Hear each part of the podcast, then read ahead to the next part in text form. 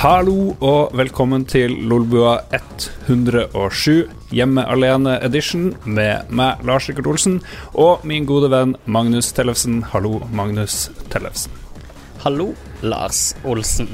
Magnus Tellefsen, Ja, Lars Olsen. sønn av Arve. Sønn av Arve, ja. Hva gjorde du da du var hjemme alene? Vi er selvfølgelig hjemme alene fordi vår uh, tredje mann, Jon Cato, er borte. Han er i USA. Jeg husker Yes. jeg, jeg, har, jeg har noen innspill på hva jeg gjorde da jeg var hjemme alene, men jeg er sikker på at du gjorde noen sånne helt forferdelige ting da foreldrene var borte. Kun du og Finn Eh. og jeg vet ikke Hva heter han siste bror din? Andreas. Andreas. Hva gjorde dere Ja. når dere var Når vi var alene hjemme. mm. Nei, altså, da jeg vokste opp, så og Dette er helt sant. Min far eh, klarte å overbevise det var, Dette var før Finn ble født, men på 80-tallet så klarte han faktisk i jeg, jeg tror kanskje i nesten ti år klarte han å holde skjult for oss at vi eide en videospiller. Okay. Um, ved at han uh, låste inn videospilleren i et sånn her hemmelig skap når ikke han ville at vi skulle ha den tilgjengelig. Og, sa, og inniblant så sa han at han hadde med videospiller fra jobben for å låne, sånn at vi kunne se på film. Mm. Eh, sjelden gangen iblant, når vi hadde barnevakt og sånne ting. Der. Så det gikk mange, mange mange år før en av oss eh, oppdaga nøkkelen og fant ut at eh, fuck, vi har faktisk video. Vi har eh, 50 Disney-filmer i skapet. What? Ja, det var en skikkelig revelation. Så jeg har vokst opp eh, som en god sørlending, eh, godt skjerma fra Hollywoods eh, forjettede budskap om eh, Mm. livsglede. Ja, nei, det var, det var weird det der å få eh, videospiller. Jeg husker um, da jeg var liten, så tok jeg og flytta høyttalerne ut på verandaen og spilte Guns N' Roses og dårlig tysk metal. Eh, Ja, gjerne riktig. Halloween eller Gamma Ray for alle Holy naboene. shit. Fordi jeg mente jeg hadde best musikksmak i verden, så da burde alle eh, høre den. Og det kunne jeg kun gjøre hvis jeg var hjemme alene. Så det var gøy. Det høres jo veldig kult ut. Ja, vi hadde òg litt sånn, eh, sånn små band som ikke det var så populært å høre på. Det var jo typisk sånn vi plukka opp eh, når vi var alene hjemme. Men eh, jeg har hatt egentlig veldig lite sånne rammer på eh, hva vi får lov til og ikke får lov til. Så det, vi har ikke vært så crazy når når katten har vært vekke, egentlig. Det er mer i Lolbua at vi slår oss løs og slår ut håret når Jon Cato er på businessreise. Ja. Jeg kjenner Jeg har god feeling nå på at uh, Jon er borte. Det bruker å bli koselig stemning. Og så har vi bedt om innspill fra våre uh, lyttere slash seere, som vi har, og vi har litt news. Uh, vi har bedt Jon Cato om å levere reportasjebidrag fra USA, som vi skal prøve å putte inn i sendinga. Og gud vet hvordan det blir, for vi vet egentlig ikke om han blir å levere nå. For det skal vi putte inn når vi klipper det her, så det blir spennende. Ja. kan nesten ikke vente. Um, men vi kan prate litt først om hva vi har gjort i det siste. Magnus, har du latt være å gjøre noe som helst interessant denne uka? Eh, vet du hva, I helga så skjedde det noe veldig rart, eh, og noe veldig absurd. Jeg satt i sofaen og så på noe greier, og så kjente jeg Oi, det er noe rart med foten min. Så reiste jeg meg opp, og så kunne jeg nesten ikke gå på den ene foten. Eh, helt krise. Full vrikka ankel. Eh, han hovna ikke opp, da, men jeg kunne ikke gå på beinet mitt på ja, et par dager. Så jeg halta rundt frem til nå de siste par dagene og liksom vært i stand til å, til å gå igjen. Jeg, jeg aner fremdeles ikke hva det var, men det var en slags sånn her eh, eh, hva- er navnet? Aids? Aids? Hiv? Sannsynligvis eh, en hiv-avart som, som rammer ankelsener, da. Men jeg satt og gjorde ingenting, og plutselig så var jeg, var jeg skada, som folk som er i god form blir når de gjør ting, så får de i god form. Så det var veldig sært. Ok. Annet enn det så har jeg eh, Jeg reiser jo til Kina om et par dager og ble vekket et par uker. Så Ah. Eh, jeg har uh, jobba litt aktivt med å fylle opp eh, PC med ting å underholde seg, og fylt opp iPaden med tegneserier som skal leses på turen, og jeg har eh, Du skal ned til Kina for å se på TV-serier og lese tegneserier. Ja, det er akkurat det jeg skal gjøre. Nei det blir en del reising eh, underveis der. Vi skal, vi skal litt rundt, så greit å ha noe eh, Greit å ha Vitaen med seg, ikke minst. Eh, jeg, var, eh, jeg stakk innom hos Nordisk Film også og sa at eh, jeg skal på ferie. Jeg har da noe, noe Vita-stæsj jeg kan fylle opp med. Ja ja, ikke noe stress. Jeg fikk liksom sånne åtte koder pronto på Facebook. Og kunne bare komme og hente en konvolutt full av spill og minnekort og stæsj. Så de var veldig henrykte for at noen brukte tidenes og årets konsoll. Du er jo, du er jo blitt en Vita sånn her evangelist. Reiser rundt i verden. Nå Kina skal spre det glade budskap. Fordi vi vet jo, alle vet, 2016, Vitaens store år. Det, ja, og det var jo egentlig i fjor også i forfjor. Jeg føler at hvert år egentlig er hvitaens store år. Men eh, du vet jo, i Kina så har de gjerne et eh, dyrenavn på hvert år, og i år er det faktisk Year of the Vita, så det er litt, Det har det er litt spesielt. Da. Det er første gang de har plukka opp en gadget i stedet for dyr. Ja, ja. Jo da. Nei, jeg, jeg hørte det. På kinesisk så er det jo shunpe. Er jo, eh, Shunpei, ja. Helt riktig. Det betyr Vitaens år. Du drar med Jeg drar med familien, Ja. med mine foreldre og mine brødre. ja. Um, Dra, det skal være lenge. ja, tolv dager er det vel i Kina, og eh, Ja, du sa 14 dager. Ja, Nei, men Ja, det er jo det dødskult, da. Jeg skulle gjerne dratt til Kina. Men det er sånn mye bæsje i Når du er på landsbygda, så må du bæsje i hull og sånt, har jeg hørt. Hull i Ja, jorda. riktig. Jeg tror ikke vi skal så mye ut på, eh, på landsbygda. Vi skal, eh, vi skal til Shanghai, og så skal vi til Beijing. Og så skal vi ut til muren Jeg vet ikke hvor lenge vi skal være der, i en litt sånn mindre by, da. Mm. du ser se på de der terrakottasoldatene, terrakotta-soldatene, de der eh, digre Alle de der eh, Det er en sånn haug med statuer og ja. Det, det er liksom Vi er egentlig ganske sånn reisevante, vår familie. Da jeg vokste opp, så jobba mamma i SAS, så vi hadde liksom en sånn fritur hvor vi ville hver påske, som var veldig eksklusivt på, på 80-tallet og sånn. Så vi er egentlig veldig reisevante, men denne gangen så har vi tatt en sånn her eh, turistpakke som, som sitter litt langt inne, kjenner jeg. Rødmer litt når jeg tenker på eh, det der programmet, åssen det blir presentert. Jeg føler meg litt som sånn pensjonist på Lanzarote. Ja. Som sitter og leser liksom underholdningsprogrammet i badebassenget for de neste tre dagene. Sånn føles det litt. Så eh, ja. Vi får se åssen det blir, da. Jeg, jeg tror det blir kult uansett. Vi skal kjøre rundt med sjåfør og guide og sånne ting. Skal vise oss the shit. Og så prøver jeg å, eh, å kikke litt på shopping og sånne okay. muligheter. Jeg har hørt det er ganske crappy der. Bare masse mas og hagling og ja. Ja. Vi får se. Kult. Nei, men eh, jeg er veldig fornøyd med din eh, Hva har vi gjort i det siste? eh, bidrag. For en gangs tror, skyld det jeg tror det er mer spekka enn alt før denne sendinga til sammen, hvis ikke jeg tar feil. Ja. Mm, jeg har ikke gjort så mye spennende i det siste. Jeg har klippet meg Var klippet meg i går. Fikk en sånn ultrakul eh, frisyre. I dag er den blitt skikkelig, ja, skikkelig trasig igjen, så jeg, jeg må liksom Jeg må innom frisøren annenhver dag nå for å få se presentabel ut. Men eh, nå har jeg gått fra å ha langt, langt eh, kjipt pistret hår til å ha fått tynt pistret hår med potensial for sånn her eh, høy hårføring oppå på midten der. høy hårføring. Hva ligger i det? Er det snakker vi hårmetall, da, eller eh, hva snakker vi? Jeg føler at livet mitt vil sakte bli mer som Donald Trump sitt, eventuelt Eli Hagen. Ett av de to eh, de, de er vel de fremste eksponentene for høyt hår. Ja, eh, hvis du klarer en kombinasjon, så tror jeg du er ei kruttønne politisk ute på eh, et, et stykke ut på den populistiske høyresida, hvor enn du måtte bestemme deg for å satse, tror jeg.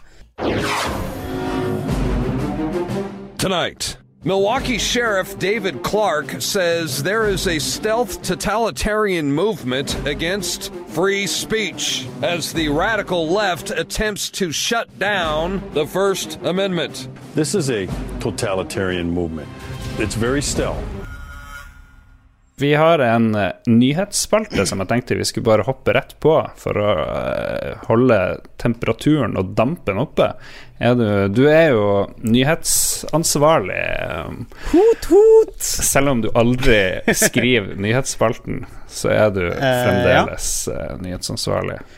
Men du vet at når du jobber deg opp i, i ranken i, i nyhetene, i sånne store, etablerte nyhetskanaler, og du blir nyhetsanker, så er det ikke lenger du som som skriver nyhetene. Da har du produsenter som er ute og gjør det for deg. Du kommer liksom til dekka bord og gjør de kule intervjuene og sånne ting. Og for det andre, eller resten av tida, så leser du opp fra interns og produsenter eh, sine frukter. Så det syns jeg er ganske riktig, produsent Olsen. Er du ikke enig i det? Jeg er helt enig. Du leser det som står på teleprompteren.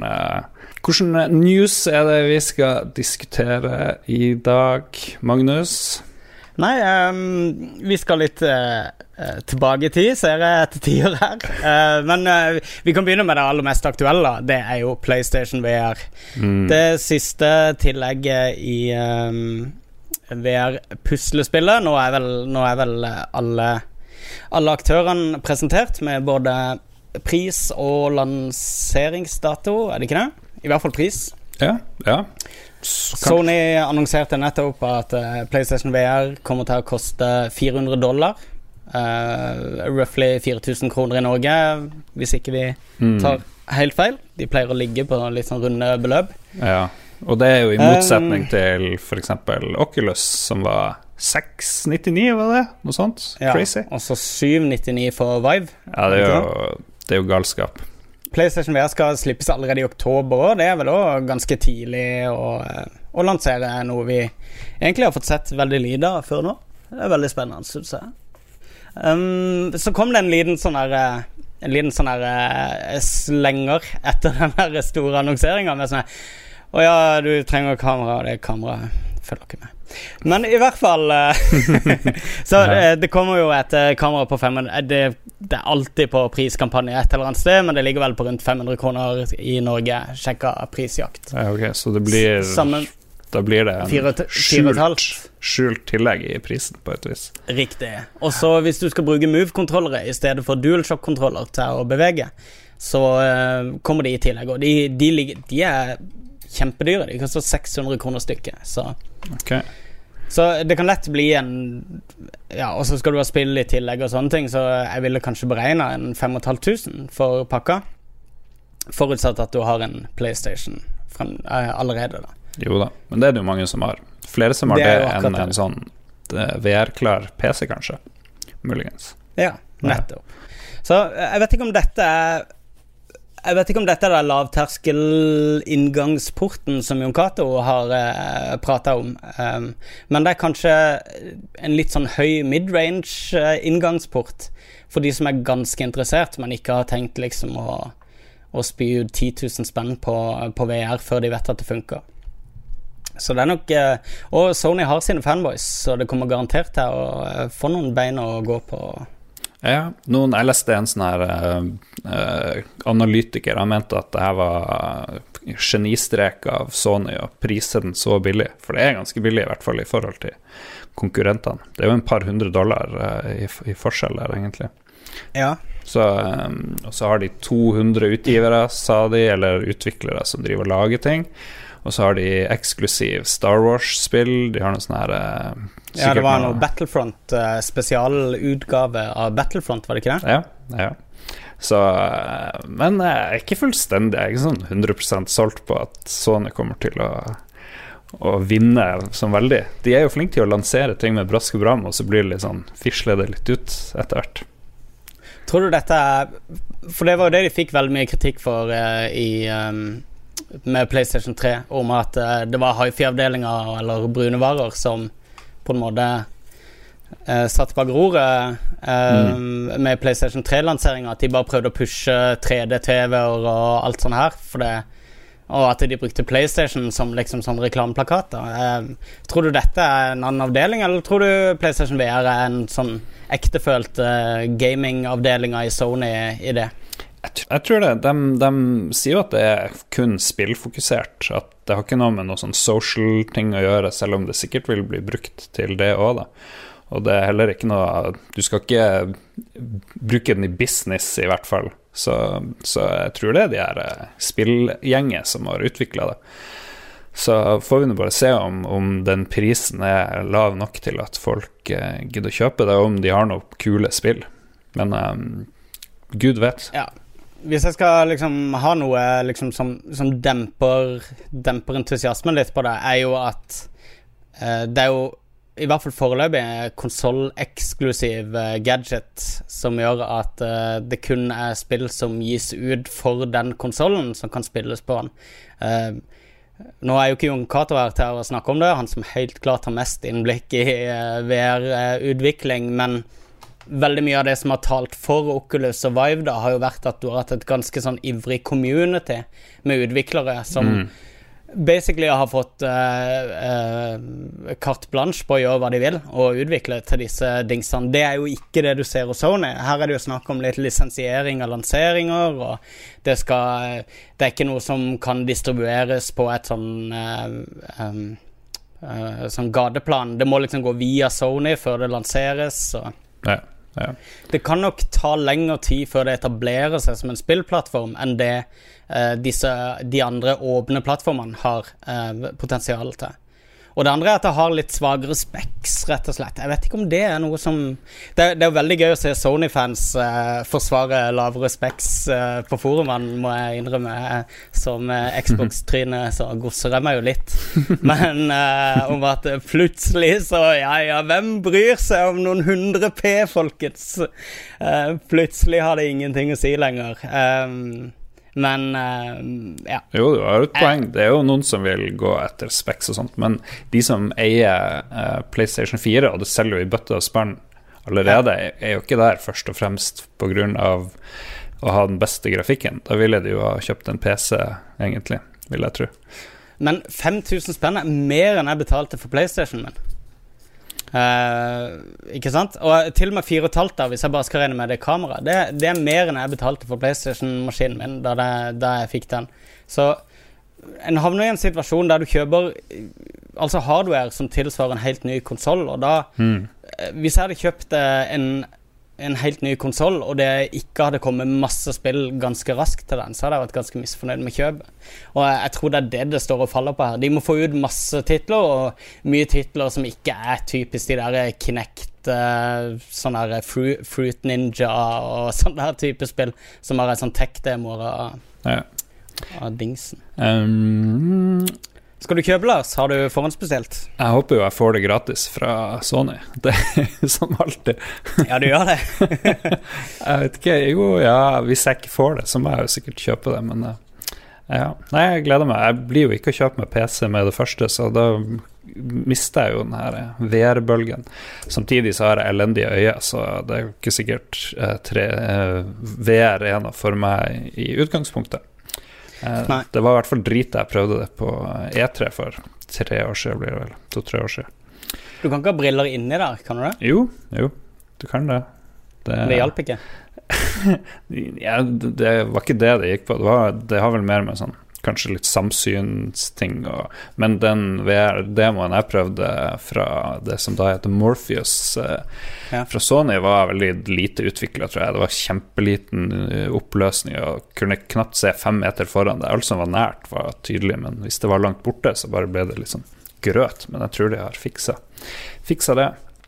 Du nevnte Microsoft og noen som gossa seg der, men hvor, er, hvor ligger Microsoft oppi alt det VR-landskapet? De har den der HoloLens-tingen, men det er vel ikke noe sånn Nei, de har satt HoloLens på, på, vent, og så har de vel egentlig bare åpna døra litt på gløtt for, um, for, Oculus, har de ikke det? Og sagt at uh, um, de kan gjerne snakke sammen, de, hvis, hvis det er interessant. Mm. Nå har jo Microsoft uh, den siste uka åpna veldig mange dører på gløtt med å si at de åpner for spilling over flere nettverk, og de vil gjerne Hvis Valve vil, så kan de godt gjøre cross-platform, og hvis Sony vil, kan de godt gjøre cross-platform.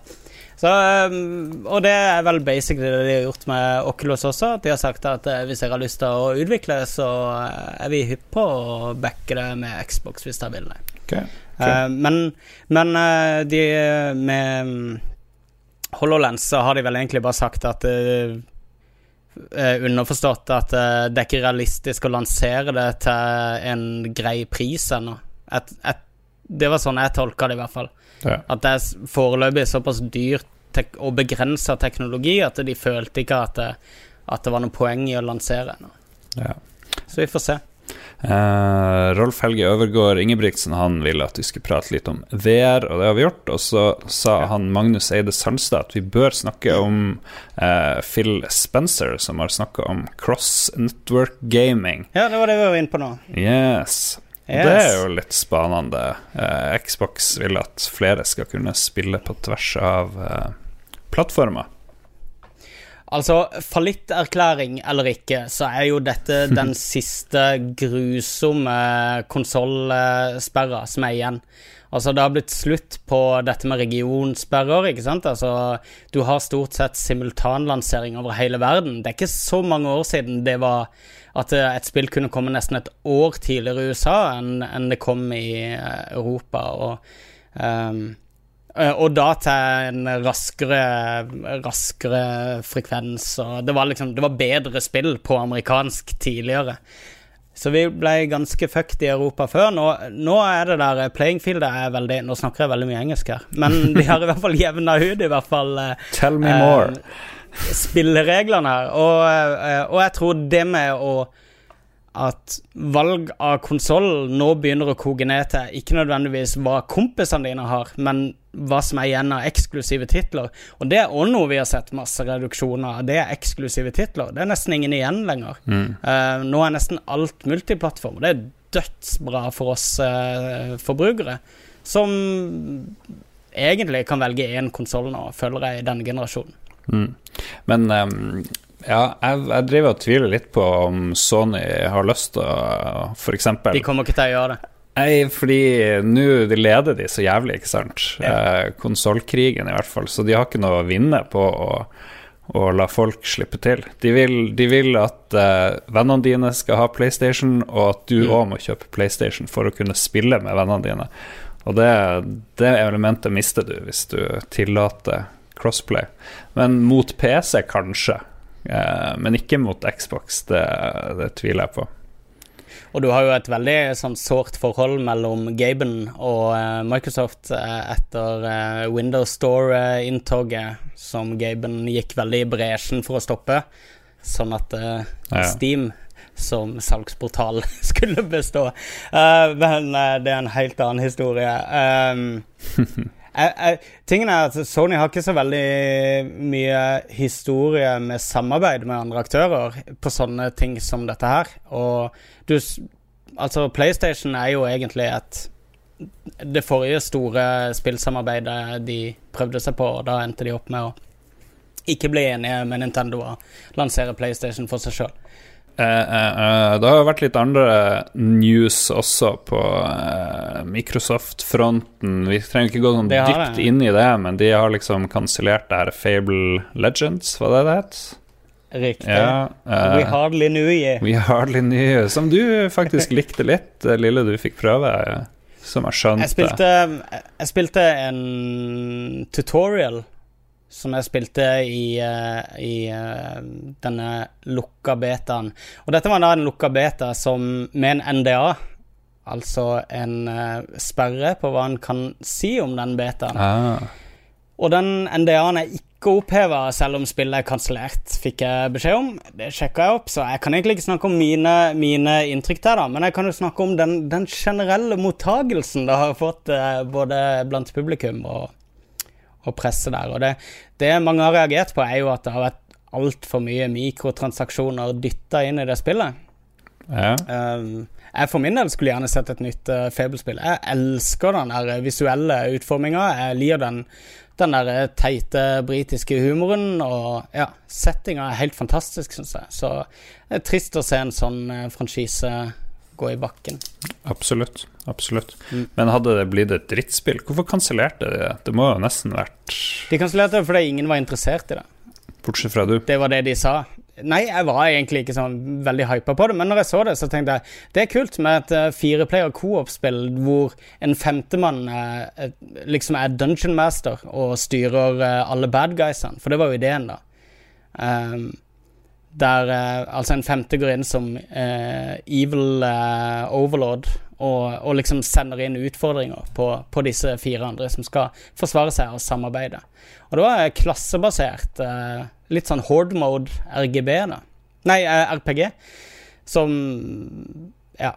Potensialet var veldig høyt, da. Men etter hva jeg leste, i hvert fall andre steder, så leverte de ikke opp til det potensialet. Ok, Og så var det nå på en eller annen nettside så forsvant masse utviklere fra ja. en sånn her oversikt over first party eller første party studio. Så, og nå så vil de åpne for spilling overalt. Er, det, er Xbox nå desperat og uh, i krise? Hva er det som skjer, egentlig? Jeg tror nok ikke de har panikk akkurat nå. Jeg tror ikke at Fable Legends, som ingen basically hadde hørt om for to uker siden, uh, er noe sånn vinn eller forsvinn-tittel for, uh, for, Microsoft. Men vi, ikke sant? Vi er, i, uh, vi er i mars. Det er siste måned i finansåret til Microsoft. Og for en stor bedrift som de å skjære, skjære, av dødt kjøtt uh, rett før regnskapsåret er omme, for å ta tapet på dette året her, sånn at de kan vise til bedre resultater neste år. Mm. Fordi de kanskje har noen uh, andre planer da. Det er ikke helt uh, unormalt, altså. Så akkurat det der med å krympe og kutte og sånne ting, det er, det er nok ikke så kritisk som det kanskje fremstår for noen. Da skal vi ta en liten pause og drikke litt gravøl for uh, Microsoft og Xbox. Nei da.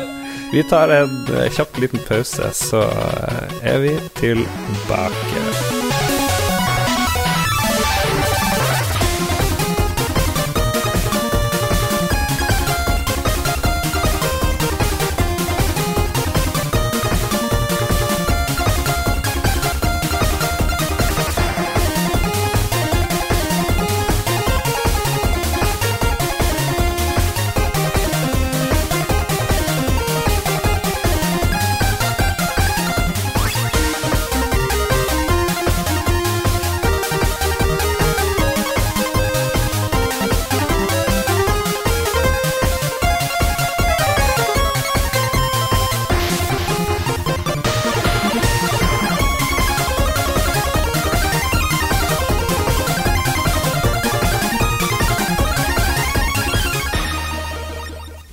Er vi tilbake etter litt fin musikk. Og mer musikk skal det bli. Eh, allerede i neste uke så er det premiere på en helt ny og et nytt spennende produkt fra Lolbua, nemlig Sidbua, som er Jon Cato Lorentzen som eh, nå og da skal ta for seg en del av hans favorittmusikk. Han har klippet i hop, og jeg har hørt allerede episoden, og den er dritbra. Han har tatt for seg eh, masse, masse kul musikk. Henta fra en toppliste i et sånt Zapp 64-bra fra 89-86, noe sånt som det. Kommer ut i påska når vi ikke har vanlig sending, så alle musikkglade kan uh, glede seg til det. Er det noe mer vi må si om akkurat det, Magnus? Eh, nei, utover at uh, første episoden kommer i påska, og at uh, folk uh, kan se frem til Var det månedlige? Var det det vi skulle ta sikte på? Vi må være forsiktige med å love noe som helst, føler jeg. Ja, men det er derfor månedlig en ganske, ganske realistisk frekvens, tror jeg, for denne. Det er et sideprosjekt, for nå er Lolbua-konglomeratet blitt så stort at vi er nødt til å mm. branche ut, rett og slett, for å ja. Fordi vi klarer ikke å eh, Vi har ikke plass til flere fans bare på Lolbua, så nå er det viktig å, å, ja. dra de ut i forskjellige underkategorier. Og så er det vel Så kan vi jo tease Bukakebua, som du skal lage første episode av i Kina, har jeg hørt. Ja, det blir en daglig daglig podkast fra meg. Ja. Uh, Bukakebue. Fra og med ja. ja fra og med nå, nå etterpå. Uh, så jeg vet det ganske likt, men jeg har tenkt å lage da ref forrige episode. Bæsj og bukakebue. Uh, yes. Så vi har krangla litt der, men det blir kanskje to-tre ekstra bua-greier, da. Og det er jo mulighet for at de to buene kan, eh, kan overlappe litt på, på tematikk. Ok, ok. Yes, Um, Da var vi ferdig med bukkake for i dag. Ja. Skal vi si Hitler, eh, Lars, så har vi fått det ut av Jeg systemet. tror, jeg tror Breivik har uh, tatt for seg Hitler denne Han uka. tok den for oss. Ja, fy faen, det der greiene der, altså. Holy shit. Ja. Men Ja, drit i det. Drit i yes. Breivik og Fjordland og uh, Hitler. Det er det, Jeg blir litt deprimert, og jeg vet ikke Fuck, eh, fuck Men vi vet at uh, til og med på, uh, på vestkanten så er lolbua bedre enn waterboarding. Så vi vet at vi i hvert fall scorer høyere enn både Fjordland og, og uh, waterboarding på, på hitlistene. Uh, mens vi nå snakker om musikk, så uh, har eh, det kommet en del klager retta mot meg, som jo uh, har brukt å skrive av og til hvilken musikk det er vi bruker i sendingen, og det har jeg ikke gjort de siste gangene. Jeg tar Du fikk selvkritikk. drapstrusler for det, gjorde du ikke det? Jeg fikk ikke direkte drapstrusler, men det blir neste det, Hvis det ikke kommer noe Jeg driver og leser chatten her og ler litt om Bukakebua. Det må jeg slutte med. Hvis jeg ikke skriver hvilken musikk det er, og legger inn lenke, så blir det drapstrusler og Fjordland resten Yes. av livet eh, på meg. Så det må vi, må vi ordne opp i. Eh, hva er neste ting på programmet, Magnus? Du, vi kan, eh, vi kan eh, snakke litt om hva vi har spilt i det siste. For eh, i motsetning til alltid ellers, så har vi jo spilt litt, har vi ikke det? Siste Mm. uka, Lars. Ja, ja. Uh, skal du Jeg ser eh, at uh, Ja, du har jo ikke klart å slutte helt med The Division, som du endte opp med å streame litt også her forleden, gjorde du ikke det? Ja, streama seint på kvelden med Jon Cato og noen folk. Det var Ja. ganske morsomt. Jeg, det, men jeg vet ikke om det er en bra eller dårlig ting, men når jeg spiller Division, så sitter jeg og tar sånn femminuttspauser innimellom bare for å se meg rundt, for det ser så jævlig fint ut, det spillet der. Ja, det er pent. Holy mother of god. Det der eh, kjøpesenteret, jeg vet ikke om du har vært inne i kjøpesentermissionet, hvor, du- hvor du går mot det, så er det et sånt juletre i lys. Som brenner. Ja. Ja, og eh, masse greier, og det er så ufattelig fint. Og, og det, er jo, det er jo bra. Da, da holdt de nesten det de lova med den der første reveal-videoen. Det var ikke fullt Ja, så ja, bra, men det var kongebra. Så det, det er Ja, folk kan drite i å klage på grafikken på det spillet. Altså. Ja. Det så, og så er MMO i tillegg. Det er helt uventa pent.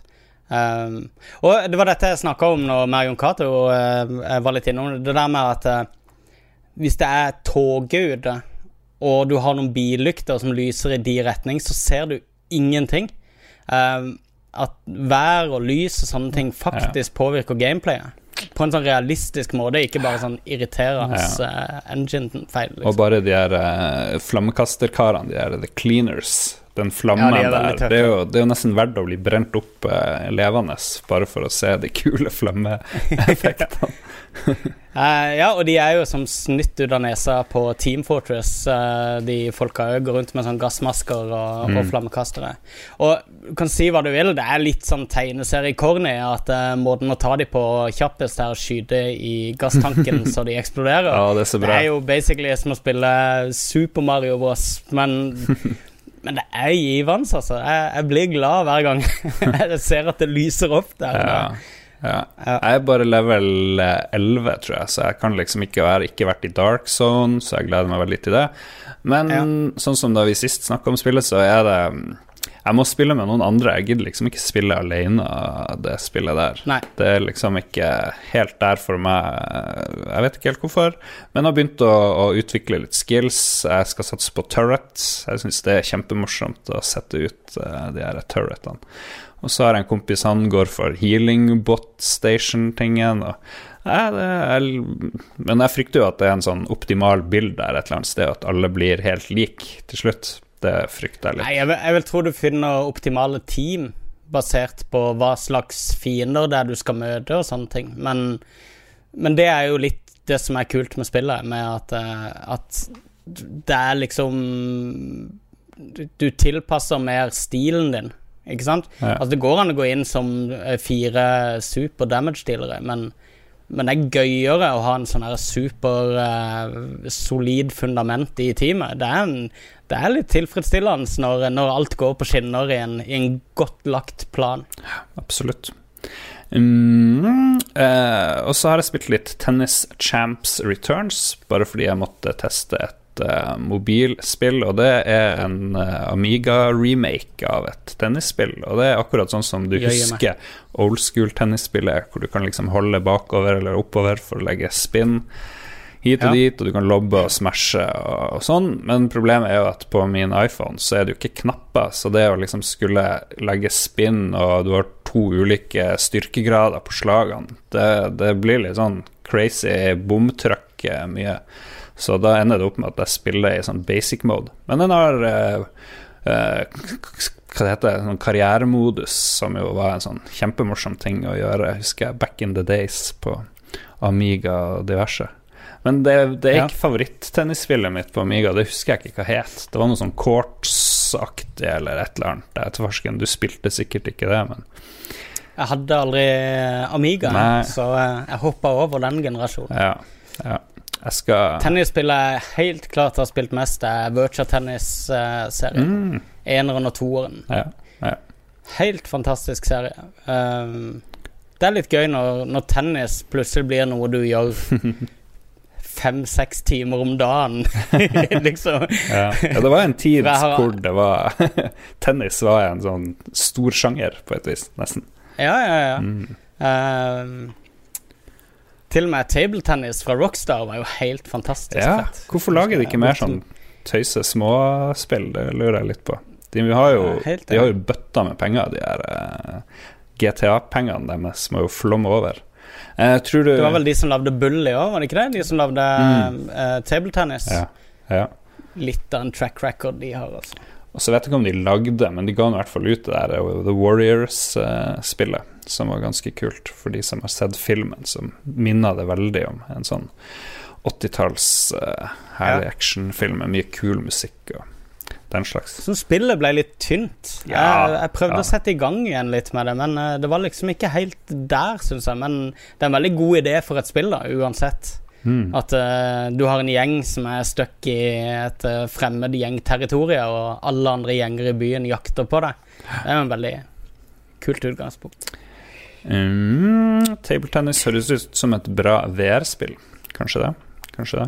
Ja, Mm. ja det er jo et eh, Er det ikke noe We-greier? Var ikke det en sånn ting? Tabletennis? Ja, det var i hvert fall tennis. Men, eh, Ja, men tabletennis Nei, det var Rockstar. Tabletennis var faktisk på We. men de, de kan jo ikke lage tennisspill i VR. Eh, Du blir jo å knuse Hvis én million mennesker har tennis-VR-spillet, så blir i hvert fall 10 000 mennesker drept første måned tipper jeg, i stua. Altså, så er for ekstra sånn immersion, så en real life eller sånn life size tennisracket. Det er en kjempeidé. ja. Um, det, det tror jeg jeg skal foreslå, i hvert fall. Ja. Um, Um, Men hvis du ja. vil ha et tennisspill på mobil, så er Tennis Champs Returns helt greit. Det er i hvert fall gratis. Uh, hvis du Ja. har noen sånn add-on-ting med ekte knapper, så tror jeg det blir helt maks eh, bra. Uh, litt usikker på om det fins til Android. Tror kanskje det gjør det. Tror kanskje det gjør det. Hm. Magnus Uru, ja, Uru. har du spilt noe? Um, ja, jeg har, jeg har spilt uh, Hitman Mm, siden sist. ok. Um, I motsetning til hele verden så likte jeg Hitman Absolution ganske godt. Jeg likte måten de la opp uh, missions på. Med at uh, det var mer og mer Eller Hitman-serien har blitt mer og mer sandbox, og det har blitt mer og mer sånn flashy med at det er sånn kule, kreative, nesten sånn adventure-spill type måter å ta livet av folk på, da. Som gjerne krever at du rekognoserer litt, og du finner typisk en gift der, eller du finner en bryter der som aktiverer et eller annet, og hvis du timer riktig, så Og Hitman begynner å bli den nye India... Nei, nye James Bond, føler jeg, på veldig mange måter. Altså sånn, sånn James Bond-spilleren etter Golden Eye var så la de alltid inn sånn måter å drepe fiender på. Du kunne gjøre det på sånn flashy måter. Ehm, eh, for å liksom gjøre det på den, der- den Bond-måten. Og der begynner nå Agent 47 å bevege seg inn og egentlig overta den sjangeren uh, Mye mer enn det James har fått til de siste 10-15 årene. Nå, eh, nå uh, fremstår uh, oppdragene som nesten en sånn pur sandbox med eh, sikkert fem-ti forskjellige måter å drepe målet ditt på. Og du blir belønna for å gå tilbake og gjøre samme mission flere ganger og prøve liksom å drepe dem på, på nye, kreative måter. da. Og det er For det første så er det veldig morsomt. Det er, det er veldig smart lagt opp, åssen du lurer deg rundt. Og når du liksom klarer å gjennomføre et ordentlig elegant, prikk, prikkfritt, kjempegodt planlagt hit, og eh, hit-målet ditt da fremdeles ikke er død, du bare vet at han kommer til å dø i løpet av det neste minuttet, og du bare sånn rolig bare sånn spaserer nonsjalant i riktig kostyme av eller ut fra åstedet, ikke sant? Og bare helt rolig mens du hører at alle begynner å skrike bak deg, ikke sant? Fordi at noen har dødd, eller whatever. Det er veldig, det er veldig tilfredsstillende. Men hva er, hva er forskjellen på forrige Hitman-spill og det her nye opplegget? Her så er det ikke så mye Det er ikke så mye uh, Absolution var litt sånn hardt på historiefortelling mellom oppdragene, som jeg tror veldig mange syns var litt sånn forstyrrende på hele spillet. Det, de har overlatt veldig mye av de historiene, hvis det kan være litt corny, over på, på spillerens egne opplevelser, sånn at det er du som skaper historien, på en måte. Altså at hvis jeg diskuterer spillet med deg, så vil jeg fortelle om vittige måter jeg har gjennomført et drap på, som han kanskje ikke har tenkt på. ikke sant? Mm. Og at, at på den måten så danner du din egen kontekst og historie mens du spiller det. Og jeg er jo veldig glad i eventyrspill, så jeg er dritglad for at Hitman har gått i den retninga, istedenfor sånn som de første spillene var litt for, litt for mye skytespill, syns jeg. Det er noe, noe, kult med en sånn der litt overmenneskelig, supernonsjalant uh, mester-hitman. Helt opp i, uh, i uh, klasse med James Bond, syns jeg. Ja, kult. jeg var ikke så veldig fan av det her Absolution. Det ble for mye gnukk for min del. Tror du jeg blir å like Like det nye. Hva tenker du på gnukk? Jeg vet ikke. Det var så tregt. Du må jo gå og snike noe så jævlig. Ja, jeg ville ha litt mer action, kan du si. Det var kanskje det. Ja, men du kan jo spille det som et actionspill òg, det er bare det er ikke noe gøy. Det er liksom ikke lagt opp til det. Uh, men i stedet så uh, Altså, det er én der du kan ta uh, Som du kan gjøre på en veldig sånn obvious måte, bare for å bruke et eksempel. Dette er den, den må, drapsmåten du oppdager mest, eller raskest, da, så det er ikke så veldig mye spoiler i det. Men du kan f.eks.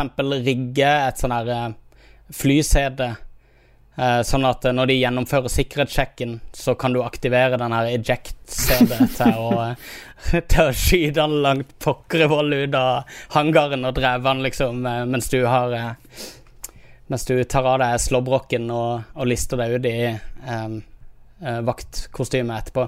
Er, de er litt humoristiske på det, og det er litt kreativt på det. Er, det er gøy å liksom ta del i Agent 47 sitt univers. Akkurat som James Bond, akkurat som Sherlock Holmes. Jeg liker, jeg liker denne sammenligninga med adventure-spill uh, og Hitman, at du kan se mm. det som et, et sånn pek og klikk, nesten, uh, spill. Ja, nesten. Det, det fascinerer meg. Da fikk jeg litt mer lyst til å spille det. Skal vi eh, sette strek for hva vi har spilt i det siste, Magnus? Strek!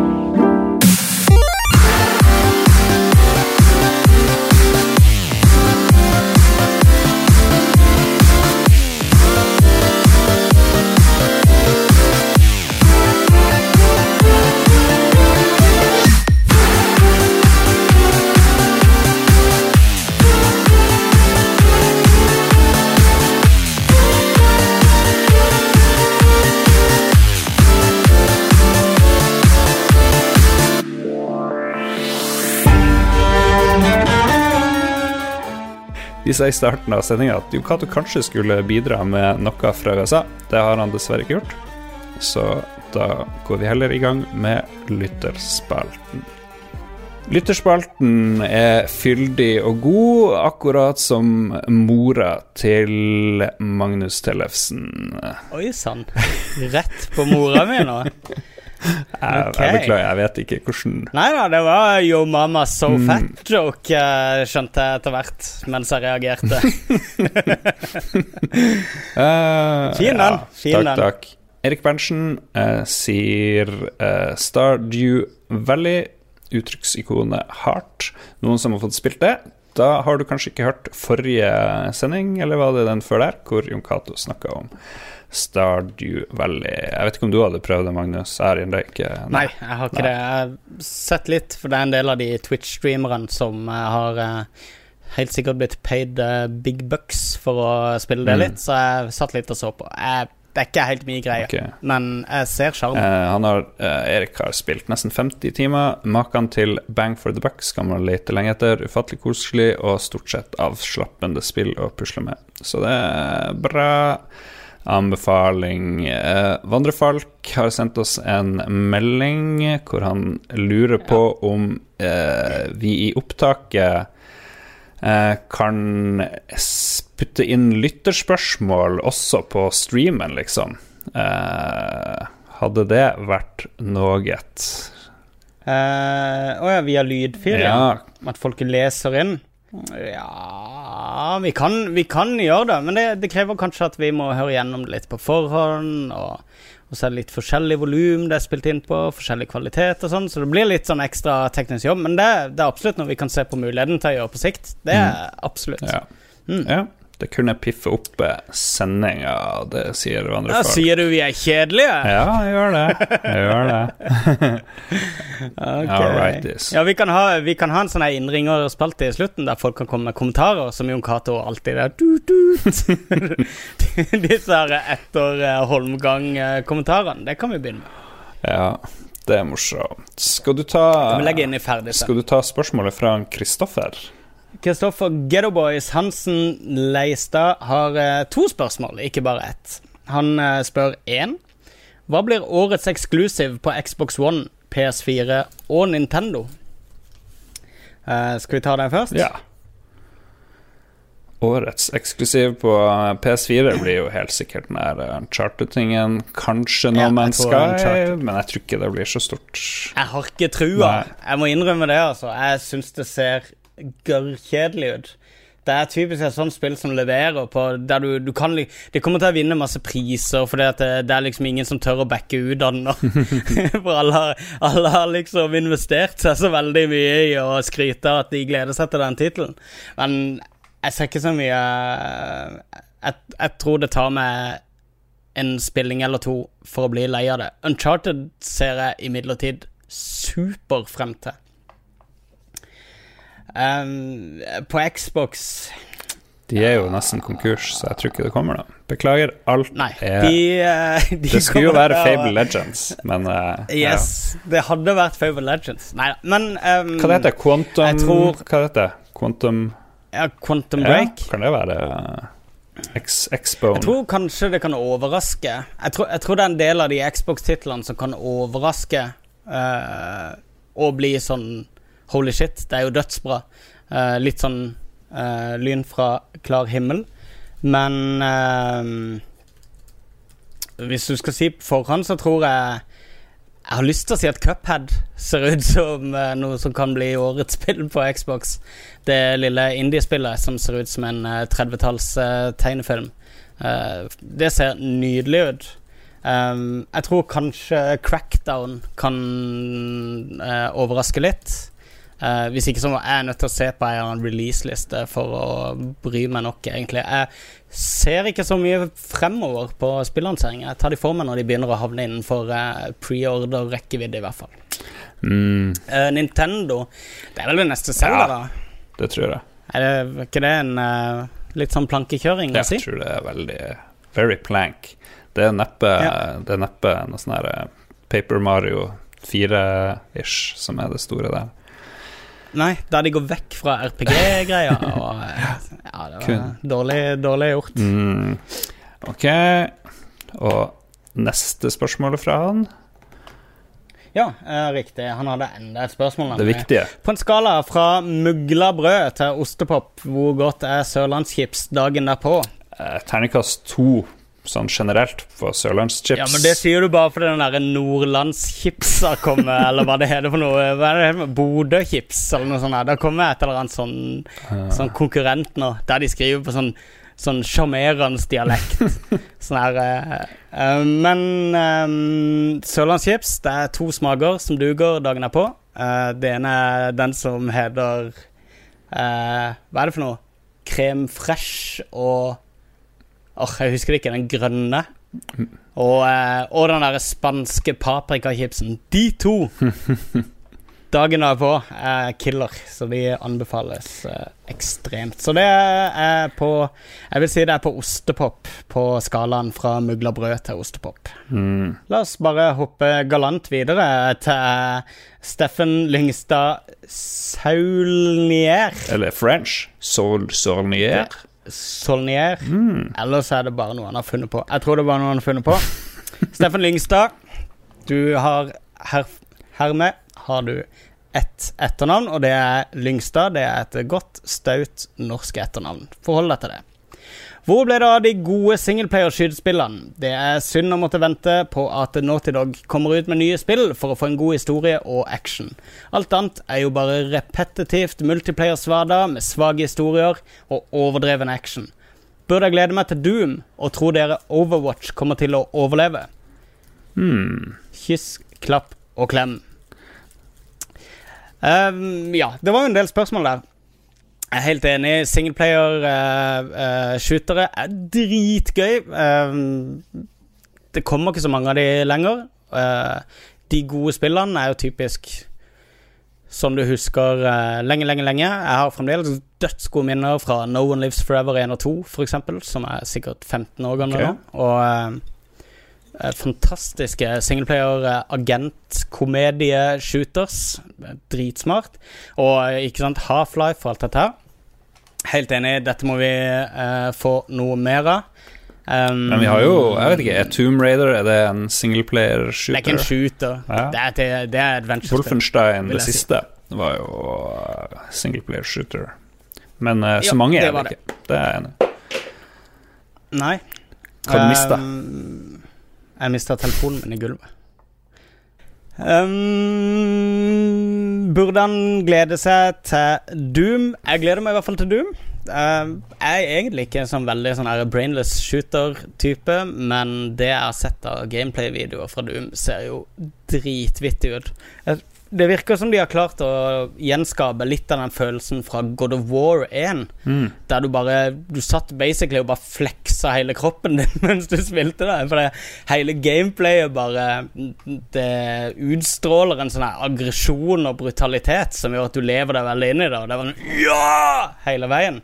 Og der syns jeg det nye Doom ser ut til å treffe veldig godt, i hvert fall. Så jeg, har, eh, jeg gleder meg veldig til det. Mm. Stor fallhøyde, personlig fallhøyde for det spillet. Men er det, er det ikke Hva noe multiplayer i ny Doom? Jeg syns jeg så noen videoer med sånn Jo multiplayer-shit.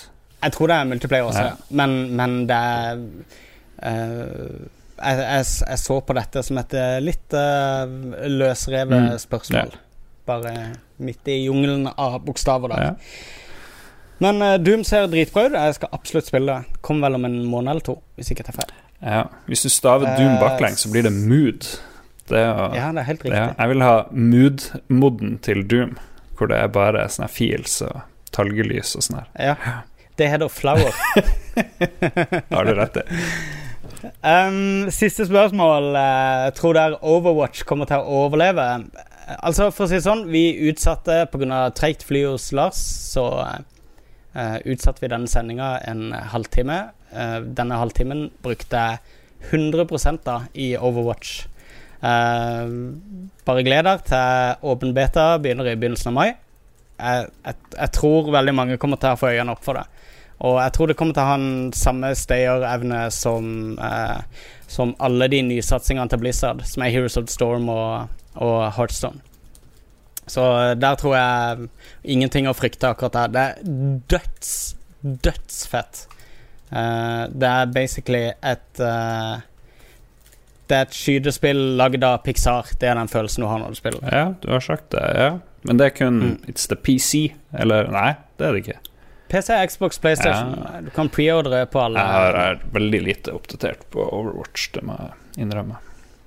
Jeg anbefaler de som sitter litt på gjerdet med det og Altså, du finner en del veldig gode streamere på det, i hvert fall på Twitch. Sikkert på YouTube også. Jeg vil anbefale å gå inn og se litt, og bare se på variasjonen i gameplay på de haugene av forskjellige karakterer du kan velge. Det er, det er så mye personlighet i hver av de. Det er så utrolig unikt gameplay og strategi på hver av de. Mm. Um, det er fascinerende. Jeg håper i hvert fall at det, det overlever. Og det er jo et Blizzard-spill, så kom igjen. Mm, skal vi se. Rolf Helge Øvergård Helge. Inge Breakton. Noen tanker om det kommende Ratchet og Clank-spillet? Jeg har sett litt video, og det ser veldig bra ut. Kanskje litt sånn Pixar-aktig-ish der òg. Eller ja, ja, de har jo sin egen, sin egen stil. Og så kommer det vel en film òg, gjør det ikke det? Ganske straks. Jo, stemmer det.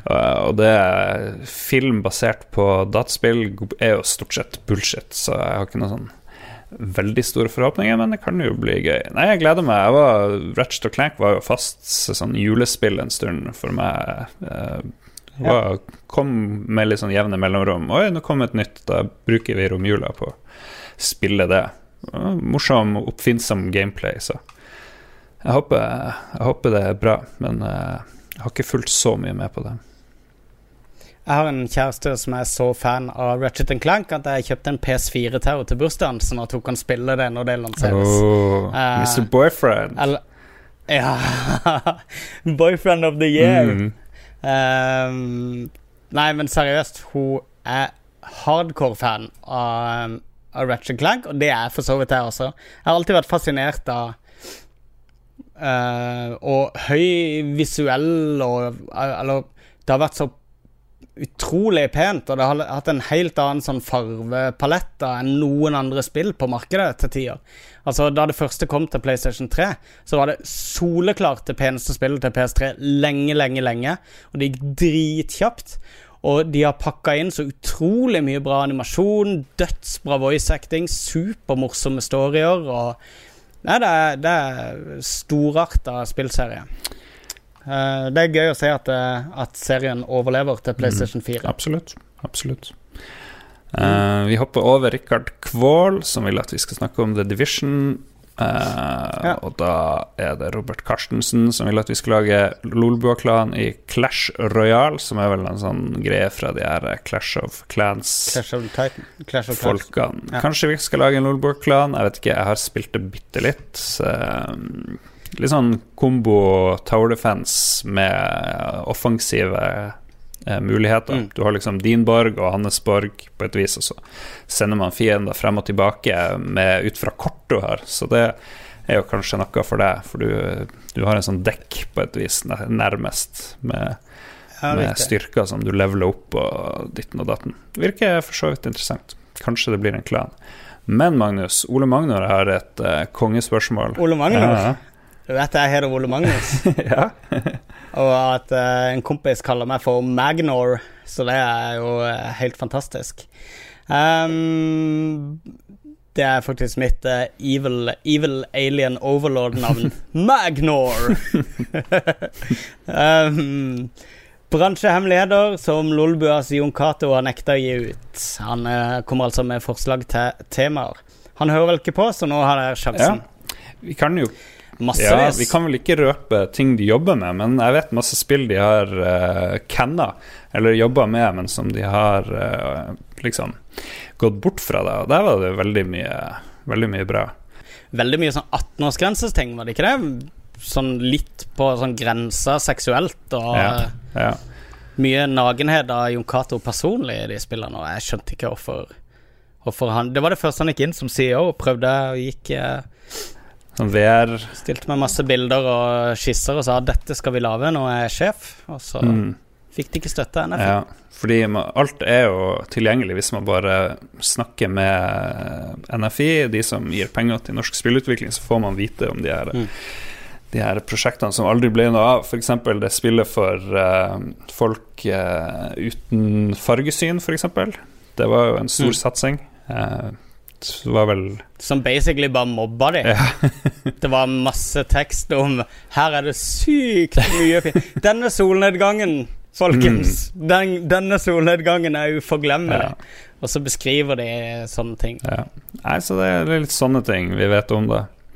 Uh, han Pablo Pingvinus, uh, han eh, tar jo for seg det spillet de har visst litt av på GDC, Annonsert. ja, det Ja. som heter Mosaikk. Han skriver 'stå opp, stå i kø til jobb, stirre i en skjerm, stå i kø fra jobb', rinse and repeat, for det skal vel handle om noe sånn her eh, Litt sånn kunstnerisk aktig om folk som, som lever i et slags uh, vanesamfunn hvor det er litt grått og trist, og Ja. så blir det sikkert vakkert og fint. Litt sånn flower, kanskje. Jeg har ikke Det er ikke avslørt, så jeg tror ikke det er noe Jeg vet ikke, jeg bare gjetta. uh, Eh, de har vel sagt at eh, det på mange måter vil ha formen til et pek og klikk-eventyrspill, så vidt jeg kunne lese i et uh, pressfire.no-intervju, i hvert fall, som var ganske utfyllende. så det det. går ikke etter pengene, Um, for å si det sånn. Eh, nei, jeg tror, har, jeg tror de er veldig Det er egentlig litt kult at Jon Cato er bortreist, for at, uh, da kan vi snakke litt om mosaikk uten å liksom føle at vi gnir det altfor mye inn i trynet. Mm. Folk Skal vi se, jeg skal bare ta opp den lappen fra Jon Cato her. Mosaikk ser ut til å bli et fabelaktig uh, årets spill. Um, Seks av seks. Seks av seks. Vi gir det seks av seks i forventning. Eh, Eh, men Pablo Pingvinus spør jo da mm. Eh, han oppsummerer jo da stå opp, stå i kø til jobb, stirre i en skjerm, stå i kø fra jobb, rinse and repeat. Er det Jon Cato som er protagonisten i Krillbites nye spill? Og um, kanskje? Kanskje. Han er jo mye på tog og pendler til Hamar, Ja. så det er ikke umulig. Jeg håper ikke han har et så eh, grått syn på sin nye arbeidsplass. Det ville vært uh, veldig trist. Mm. Eh, jeg tror eh, vi er nødt til å eh, komme oss litt backstage og få testa dette spillet, sånn at vi har noe å røpe. Ja. om det. Jeg er i hvert fall veldig veldig nysgjerrig på det. Veldig, jeg liker den visuelle utforminga på det denne gangen. Utrolig annerledes enn en, eh, Among the Sleep. Så veldig spennende. Absolutt. Ja. Mudenia. Vegard Megaman Mudenia sier Salt and Sanctuary, Dark Souls-like spill i 2D. Prøv det. Nei, Om ikke, gjør det sykt bra. ok. Ok. det skal vi gjøre. Altså, det er et Dark Souls-aktig spill i 2D. Mm. Salt and Sanctuary. Greit. Fet. Glenn Bø lurer på hva vi tenker om å blande spillserier, sånn som i Hyrule Warriors og Pokken Tournament. Uh, Sistnevnte er en miks mellom Pokémon og Tekken. Jeg føler spillseriene mister mye av sin identitet når de blir blandet på denne måten. Derfor liker jeg personlig ikke trenden, selv om det kan komme bra gameplay ut av samarbeid. Jeg vil jo si at det er Hyrule Warrior som jeg prøvde litt på, jeg, og det meste jeg har spilt et sånn derre eh, Hva det heter den der Death Dynasty Warriors, er det det den der serien heter? Ja, Med Nintendo-karakterer. Det funka jo for så vidt ganske bra, så jeg syns jo det var en fin måte å få meg til å prøve den typen spill på. Men likte du den blandinga med at de dro inn At eh, de miksa serier, liksom? Det fikk meg i hvert fall til å spille det. Det hadde jeg ikke gidda Ja, med et uh... Sånn slash fiction-spill. Ja, ja.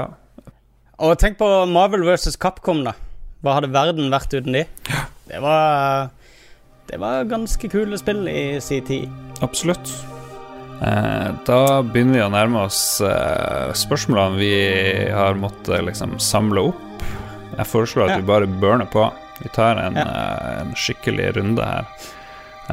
Første er fra André Tebergo. Kan jo du ta, Magnus? Ei uke til Batman vs. Supermann. Eh, hvordan stiller panelet seg til dette, og DC Marvel sine filmer og serier sånn generelt? I månedene og for så vidt årene fremover har vi en drøss av filmer å se frem til. Jeg har dere noen personlige favoritter dere venter spent på. Uttrykksikonet smile. Um, sånn var dette kort nok, Lars. Ja, kort og fint, André. Veldig Ja. bra. Jeg driter litt i DC, må jeg innrømme. Jeg er ikke så sjarmert av det universet. Jeg syns de har litt kjedelige helter. sammenlignet. Jeg liker Batman, men eh, jeg, jeg håper de kan eh, lage en makeover for flere av de heltene. Jeg syns den forrige Supermann-filmen var eh, en fornærmelse. Jeg, jeg blir sint når jeg tenker på den filmen. der. Det er noe av det dårligste jeg har sett på veldig mange år.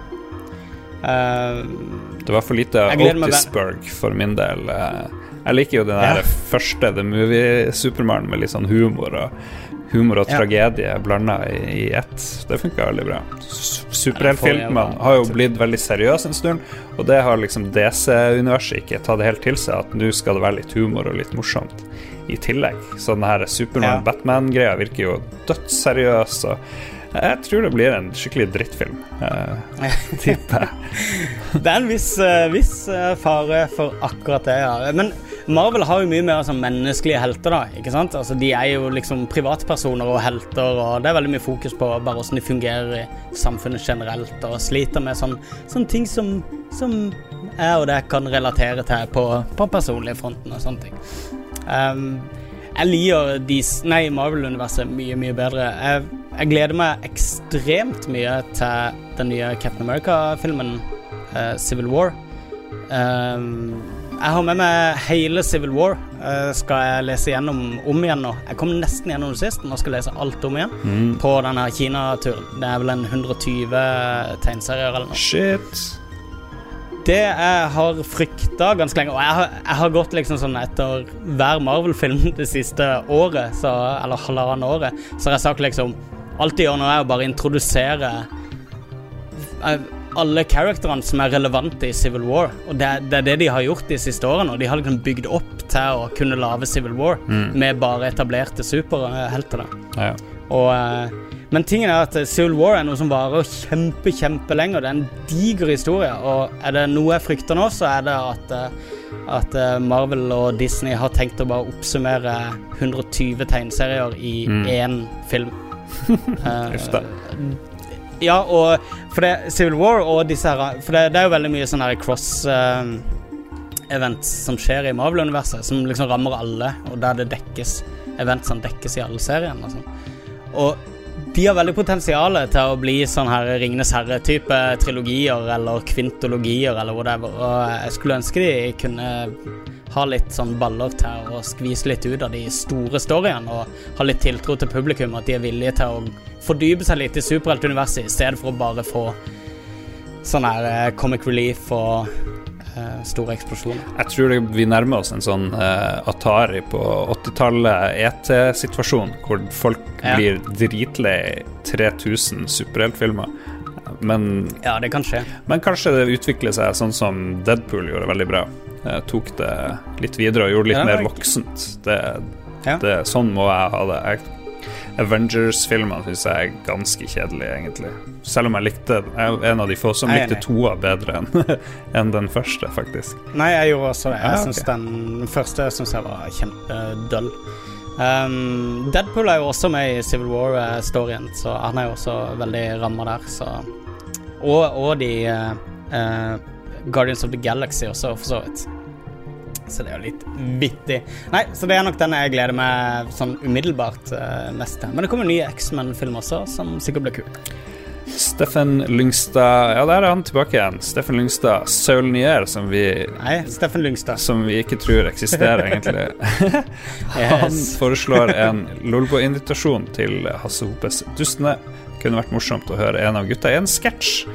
Eh, eh, ja Ja, ja, Eh, Bare så det er sagt, hadde jeg ingen aning hvem Hasse var før jeg så duellen på Level Up. Har jeg gått glipp av noe? Jeg har jo gått glipp av noe med, med Dustene. Det er ganske bra. Det er kjempevittig. Eh, Hasse og co. har vært dritflinke til å etablere det. De gikk jo rett i været med, med dustene. Etablerte det bare sånn ut av ingenting, og de har egentlig ikke markedsført det så veldig. Så bra at de har suksess. Jeg, jeg tror eh, i hvert fall meg personlig er langt unna det nivået til å kunne dukke opp i en så profesjonell podkast som Dustene. Så har vi et Mudenia-spill igjen. Spørsmål med det. Ikke et spill. Ja, han eh, spør om eh, ødelegger folk som overpriser spill, eh, spesielt retrospill, på eBay, for folk som eh, faktisk kanskje har lyst på en komplett NES-samling. For eksempel ta lille Samson til 255 299 kroner, eller beste offer. Uh, og så NWC Grey lå vel for 80 000. Altså, nei, jeg syns ikke det. For det at eh, hvis eh, det eneste målet ditt er å ha en komplett NES-samling, så er du en av de. Liksom, for da, er- da er ikke målet ditt å spille spill eller noen ting. Da er du bare en av de som bare skal en komplett samling. Og da, da, da Sorry, altså, men da er du over i den verden der hvis det er sjeldent, så koster det 250 000 kroner. Hvis men hvis du hadde spurt om det var kjipt fordi det hindra folk i å kunne spille de gamle perlene, så ville jeg kanskje vært mer enig, og eh, kanskje de heller burde relansere de og heller spille Sikkert komme en Gameboy-versjon eller noe i etterkant, eller et eller annet. Ja. Har du drevet og samla på noe konsoll Ja, eller ja. gamle ting, liksom? Jeg har noen kartonger med pek og klikk adventure-spill i boden. Eh, jeg har ganske mange av de. Jeg har, veldig mye sånn Alle versjonene av forskjellige pek og klikk-spill og sånne ting. Um, så det var mens jeg jobba i spillbutikk da, og vi tok imot brukt spill, så var jeg veldig møysommelig med å liksom plukke ut de riktige tingene. og sånn. Så jeg har veldig mye kult, men Det ligger i en eske et eller annet sted. ja, og med årene så er det liksom sånn her Ja, ja, det er ting jeg eier. Jeg kommer aldri til å spille de. Jeg, jeg har jo spilt de. Og hvis jeg kommer til å spille de, så er det fordi jeg kjøper de på nytt på goodoldgames.com eller et eller annet sånt. Det er ikke fordi jeg går og finner frem den herre eh, nei, dis, eh, disketten på 1,44 megabyte og putter den inn et eller annet sted i PC-en min for å spille. Så Nei, samling er en litt sånn døll greie, men jeg har kompiser som er helt gale på det, som bruker sikkert hundretusener i året på, What? på ting de ikke interesserer seg for. Jeg har en kompis som har en av verdens største Star Wars-samlinger, og han har ennå ikke sett de tre nyeste, altså de som kom for 15 år siden. Jeg tror ikke han har sett alle de engang. Så han er ikke noe interessert i Star Wars, han er bare interessert i å eie alt.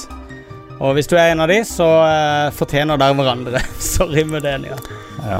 Jeg samla litt på noe eh, Amiga-spill en stund. Fikk jeg sånn Ja. kick. Jeg ville ha gamle Amiga-ting. Jeg vet ikke helt hvorfor jeg gjorde det. Det var bare sånn uh, i, I mange mennesker så tror jeg det ligger et sånn samlegen, ikke sant? Sikkert fra før i tida hvor det var veldig lurt og viktig å samle på alt det nyttige du fant, og hoarde det og, og verdsette det. Så overlevde du der andre døde. Så, og jeg tror det der eh, instinktet kan ta litt overhånd hos folk eh, som bare samler og samler, og så Jeg blir av og til litt provosert når jeg ser på den samlegruppa på Facebook for spill og konsoller. Her er dagens fangst. Det virker ikke som ikke, virker ikke så ofte at folk er så veldig glad så, for hva de har fått, men det gjelder å ha mest mulig og liksom komplettere samlinga. Så lurer jeg veldig på hva skjer når du har fått ferdig den samlinga di. Blir, Ja, du, blir du veldig mye lykkeligere, men jeg skal ikke kritisere folk som gjør det. Det skal jeg ikke gjøre. Men jeg skjønner det bare ikke. Han, han kompisen min, jeg gjorde han oppmerksom på Garbage Pail Kids. Husker du de? På eh, 80-tallet. Det var sånne samlekort som du fikk kjøpt i en sånn tyggegummi. Eh, med sinnssykt sånn her eh, brutale, morsomme tegne... Ta og Google det. Garbage Pale Kids. Det er ganske morsomme, mange av de tegningene. Og det finnes et Altså, det er en, er for lengst utgåtte uh, samlekortserie, da. Så eh, han ble superinteressert med en gang, fordi han er en gal samler. Og han hadde alt i løpet av en måned. Og da var det bare sånn Ja, nå har du alle. Hva nå? Liksom. Nei Nå skulle han ha liksom Han skulle ha perfekte eksemplarer av alle, så, og det fikk han ordna seg ganske raskt, for det var ikke noe sånn veldig hardt miljø på det. Han, han samler på Bamse, verdens sterkeste bjørnblader. Det er det et veldig aktivt samle, samlemiljø på, faktisk, i Norden. ja og alt mulig. De er superhardcore, de folka. Det, liksom, det handler bare om at idet du har alt, så handler det om å ha alt perfekt. Og så skal du ha første opplag, og så skal du ha Ikke sant? Så Ja. jeg, jeg tror i hvert fall for min del, fordi jeg samla veldig mye i en periode, mens jeg løsrev meg litt fra det og bare fuck it. Nå slutter jeg å kjøpe Collectors Edition, så Jeg slutter å kjøpe alt det der mølet som jeg uansett bare tar plass i boden min. Det, var, det er veldig frigjørende å gjøre det. Fordi det tar litt tid, og så etter hvert så Nei, du blir nesten litt sånn fri av det. Med bare sånn Wow, jeg er bare en vanlig forbruker igjen. uh, Um, så det anbefaler jeg. Ok. Skal vi se. Uh, Bjarte Rosshaug lurer på hvordan vi løser copyright claims på musikk når vi legger inn låter på podkasten. Uh, heldigvis. Ja, da går vi videre til Ståle. det har du helt rett i. Vi omgår raskt det spørsmålet. Hva sier Ståle? Ja. Ståle Baldvinsson. Um, det var et tøft etternavn. Baldvinsson. Um, spør uh, om vi har noe formeninger eller meninger rundt Quantum Break. Det kommer nå denne måneden. Lite hype og spennende gameplay gjør at jeg gleder meg veldig. Uh, ja, jeg, jeg, jeg, klarer liksom ikke helt å sånn Jeg har ikke klart å interessere meg sånn dritmye for spillet i den uh, eh, PR-oppkjøringa de sier siden annonsering. Mm. Um, jeg syns Alan Wake var ganske bra, og jeg, de treffer meg ikke helt, de der uh, Hva heter de? Uh, finske utvikleren. Remedy, det er det. Remedy, ja. De treffer meg ikke helt. Jeg, jeg, men de er liksom sånn halvveis inne på det jeg liker av spill, så jeg, jeg, prøver liksom veldig godt å følge med på det. Quantum Break eh, de nyeste videoene som har vært sluppet, det ser veldig interessant ut. Ja. Så vi får se. Jeg tror som sagt at det er et spill med veldig sånn overraskelsespotensial. Dessverre har de jo en sånn TV-serie som skal liksom gå sammen med det der. Det kommer ja. til å bli utrolig bæsj, mest sannsynlig. Transmediepiss. Eh, det, det er alle, alle, sånne folk. De skal liksom alltid De skal alltid Det er skomaker bli ved din lest. Hvis du er flink til én ting, så er du ikke flink til alt. Mm. Og eh, man er stort sett dårlig til å lage TV. Ja. Sånn er det. Eh, Bjarte Rossehaug, har vi noen skikkelig guilty pleasures innenfor mat? og diskutere hver går grensa til guilty pleasure. Hvis du blir sånn småflau over noe og har litt vanskelig med å innrømme noe, så er det vel en uh, guilty pleasure. Eller du tror at andre ikke ja. syns det er så kult. Uh, hver gang jeg er i en storby, fordi vi har ikke Burger King eller McDonald's i Harstad, så må jeg innom det uansett om det ligger den luksusburgerplassen rett ved siden av. Så går jeg gjerne på en sånn for en trashy uh, Big Mac eller et eller annet. Jeg ser den. Jeg har eh, kanskje en Grandiosa dynka i tabasco uh, dagen derpå. Uh. Det er helt fantastisk. Og eh, kebab generelt. Dritglad i kebab. Jeg spiser det aldri, og jeg forteller meg sjøl hele tida at eh, neste bit inneholder en negl. Jeg bare vet det, men eh, eh det er, kebab er liksom Det er, det er designa for å treffe alle nytelsessentrene i hjernen på en gang. Det er jeg overbevist om. eh, Ståle Baldvinsson, gode gamle Baldwin. Hva er vår topp tre konsoll eh, gjennom tidene? Det har vi svart på. Har vi svart på det? Ja, eller vi svarte på det forrige gang. Ah. Gjorde vi ikke det? Eller var det ganger før det? Der vi skulle si de Ja, ok. Ja, det kan godt hende. Men dette er med fokus på spill, funksjonalitet, håndkontroller og grafikk. Jeg tror kanskje PlayStation 2 må på den lista. Jeg tror Xbox 360 må på den lista. Å, Xbox 360 var fantastisk, altså. Ja, den var det. Dødsbra. Men PlayStation 2 òg. Og jeg tror kanskje PlayStation 1 òg, og jeg får sikkert litt pepper fra Nintendo-folket, men PlayStation 1 var det som liksom fikk meg tilbake til konsoller. mm. Final Fantasy 7 og det var, ja. det var og Soulblade og Det var en del titler der som bare fremdeles er sånne store minner for min del, så ja. Mm. Hva, hva, sier du? Um, jeg tar og putter Atari Lynx uh, høyt oppe. Uh, jeg sa ikke vite da, men mm. det var implisitt. det er jo trumfer alt. Uh, Atari Lynx Er Commodore 64 en konsoll? Har vi diskutert det? Den er skjærings... Nintendo 64? Nei, Commodore 64. Unnskyld. Commodore 64. uh, det er jo en PC, sånn, hvis du spør Jon Cato. Ja. Uh, jeg kan gå med på konsoll. Jeg, jeg, er ikke så purist på akkurat det der. Mm. Jeg brukte Commodore 64 først og fremst som en konsoll, så for meg så er det en konsoll. Ja, ja, den var i skjæringspunkt. Commodore 64 kommer veldig høyt, så det blir Amiga, Commodore 64 og Atari Lynx er mine tre favorittmaskiner. Om de er konsoll eller ikke fuck it. Så du har uh, egentlig opplevd en nedforbakke siden 80-tallet i din uh, spillinteresse, mens uh, jeg har nå nylig mm. pika. ja, jeg, jeg, er veldig glad i nostalgi. Det var litt usunt, usunt glad i nostalgi, dessverre. Jeg er nok er nok enig i at Commodore 64 var veldig viktig for min del. Det var jo den første, første spillmaskinen jeg ble sånn ordentlig aktiv med, og med swapping og alt det innebar. Og, Mm.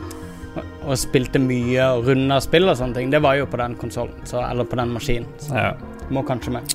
Europe. Skal vi se, nå nærmer vi oss slutten på lista over spørsmål. Uh, Bjarte Rossehaug, hva lurer han på? Um, han spør om vi gleder oss til Zelda TPHD, uh, Twilight Princess, um, til Wii U. Har egentlig ikke gleda meg, men jeg har fått det, så jeg skal vel prøve det. Syns det var så dølt, uh, Twilight Princess. Jeg gadd aldri spille så langt på det. Jeg synes det var grått og platt og så annerledes fra Windwaker, som var som, som er mitt favoritt-Selda. At uh, jeg, Det ble litt nedtur for meg, faktisk. Det er vel det Selda-spillet jeg har spilt minst på, sammen med Majora's Mask, tror jeg. Ja, ja. Så jeg ikke Nei, jeg, har ikke jeg er ikke så interessert. Eh, Fredrik sier hei, Lullers and Gangsters har i lengre tid vurdert å selge min Wii U da den ikke lenger er av interesse. Det er bare at jeg er en stor fan av Zelda og redd for at jeg går glipp av storspillet. Skal jeg selge Wii U eller satse på at det nye spillet også kommer på NX? Åh, det var et godt spørsmål. Ja, Jeg tror det kommer på NX. Jeg tror det. Eller det, det er rart å ikke lansere NX, i hvert fall med én sånn eksplosiv tittel. Det var vel det de mangla da de lanserte Wii U, var det ikke det? Nei, de hadde Super Mario 3D World, kanskje. Ja. ja. Men um, jeg tror i hvert fall det ville være en god idé å lansere det til begge to. Um, og i hvert fall til NX. ja. Og jeg tror at uh, å spille Hvis det kommer til begge to, så tror jeg ikke du har lyst til å spille det på din Wii U. Da tror jeg du har lyst til å spille det på NX. Ganske sikkert. Pretty sure. Um, og så tror jeg han Bjarte Rosshaug også har det neste spørsmålet. Det ble bare litt feil Ivrig i kar. eh, rekkefølgen. Og det er det siste spørsmålet i dag. Uh, fortell med innleving om ditt mest pinlige øyeblikk noen gang, og som tåler se dagens ljos. Men det kom altfor seint i sendinga. Eh, der er ikke hjernen min akkurat nå. Um, mitt absolutt pinligste øyeblikk, eller ett av de, var da uh, Det har jeg kanskje nevnt. Da um, Ramsi og Var det Mona? Mona og Ramsi var i Harstad, og jeg møtte på Mona Anne Mona. Mm. eh, på utestedet, og så gikk jeg og hun jeg var sammen med da bort og sa i sånn fylle eh, Starstruck på bygda-moment hvor stor fan vi var av Anne Mona. Wow. Det er ingen som er fan av Anne Mona. Uh, Nei, Ja. en, det er en spesiell ting å være fan av, syns jeg. ja. Jeg vet ikke, Av og til blir jeg sånn lystløgner, eventuelt bare vil bli venn med noen som er kjent eller er i sånn maktposisjon. Så hvis det er alkohol i bildet, så kan jeg, kan jeg plutselig bli en sånn stor idiot. Det har ikke skjedd i det siste, da, men eh, den dagen der skjedde det. Jeg husker også i engelsktimen på videregående så drev hun læreren og skulle spille Bruce Springsteen eller noe sånt, før vi skulle lære noe med Oi. tekst. Og da klarte jeg å si at jeg var dødsfan av Bruce Springsteen og elska han. Som bare var rein løgn, i håp om å få bedre karakter. Er det sant? Ja, det er helt sant. Oh, Det er et av mine skitneste øyeblikk. Men det er liksom de to Ja, er der jeg husker hvor, som er litt sånn verst. Sånn er det. det, merk ja, det merkelige er at jeg går egentlig Jeg er den der eh, personlighetstypen som aldri glemmer en pinlig ting jeg har gjort, og som gnager på meg resten av livet. Jeg, jeg husker liksom pinlige ting fra barneskolen som fremdeles plager meg, men akkurat nå, on the spot, så eh, kommer jeg ikke på noe som er verdt å fortelle om, egentlig, annet enn bare sånn ting som, som rammer meg personlig, som jeg tenker tilbake på som flaue, men som egentlig ikke er så veldig spektakulære. Så jeg tror jeg står over i denne omgang. Da er vi nærmer oss veis ende, min venn. Har vi noe usagt? Puh. Du, eh, denne Jeg føler jeg har eh, basically snakka hele denne sendinga her, så jeg føler ikke jeg har så mye usagt. Kjenner jeg begynner å bli litt hes. Ja, bra. Det tar litt Så, på å være to, ikke sant? Ja, det gjør det. Da må man være Jeg husker jeg hadde spillquiz en gang da Jon Cato måtte styrte hjem til sykt barn, tror jeg det var. mm. Og jeg måtte holde hele quizen alene i to timer. Det var, Da hadde jeg ikke stemme etterpå. Det er en krevende oppgave. Absolutt. Nei, jeg syns det gikk bra. Hjemme alene-festen uh, Ja, var helt, helt fin. Ingenting ble ødelagt. Pappa kan komme hjem uh, uten store problemer. yes. Men, uh, Alt spyet er vaska opp, ja. og uh, ja. uh, neste uke så blir det da Sid-bua, ikke LOL-bua, men få med dere den. Si hva dere syns. Besøk oss på lolbua.no, hvor vi legger ut litt sånne ting av og til. Dere finner i hvert fall masse episoder og, godsaker der. Linker til lydfiler i superkvalitet. Eh, videoer hvis dere vil se hvordan vi spiller det her inn live. Følg oss på Facebook, følg oss på Twitter. Det er bare å søke på Lolbua. Uh, subscribe på YouTube-kanalen vår. Uh, følg oss på Silk på Road. alt. Ja, Yes. på alt. På Du kan basically bare gå ut på balkongen din og rope 'Lolbua', så treffer du sannsynligvis et eller annet eh, sosialt medium vi eh, Ja.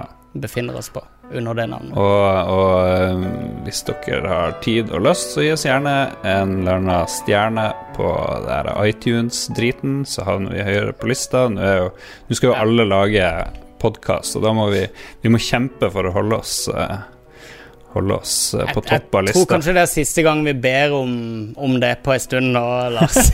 Hvorfor ikke si det? Folk kan skru av nå hvis, de, hvis de vil. Ja da, visst kan de det. Podkasten Yes. er ferdig. Den er over. Da får vi bare si ha det, da. På ordentlig. Så har vi gjort det. Ja, vi får gjøre det. Ok. Én, to, tre. Eh, Ha det. Ha det.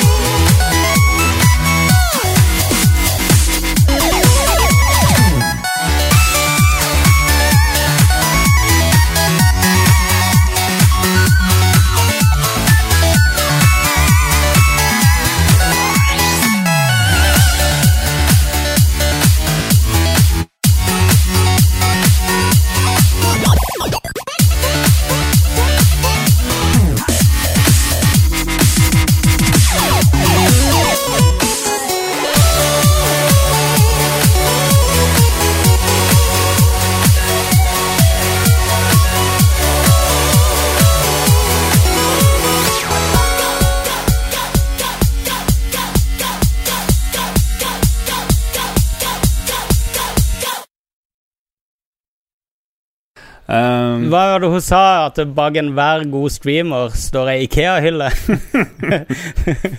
det var jo Cato som fant det sitatet. Det, den står der. Ikea-hylla. Og eh, etter det så begynte jeg faktisk å se legge merke til det på streamer, og det er sjeldent du ikke ser et Ikea ei Ikea-hylle bak et eller annet sted i bildet.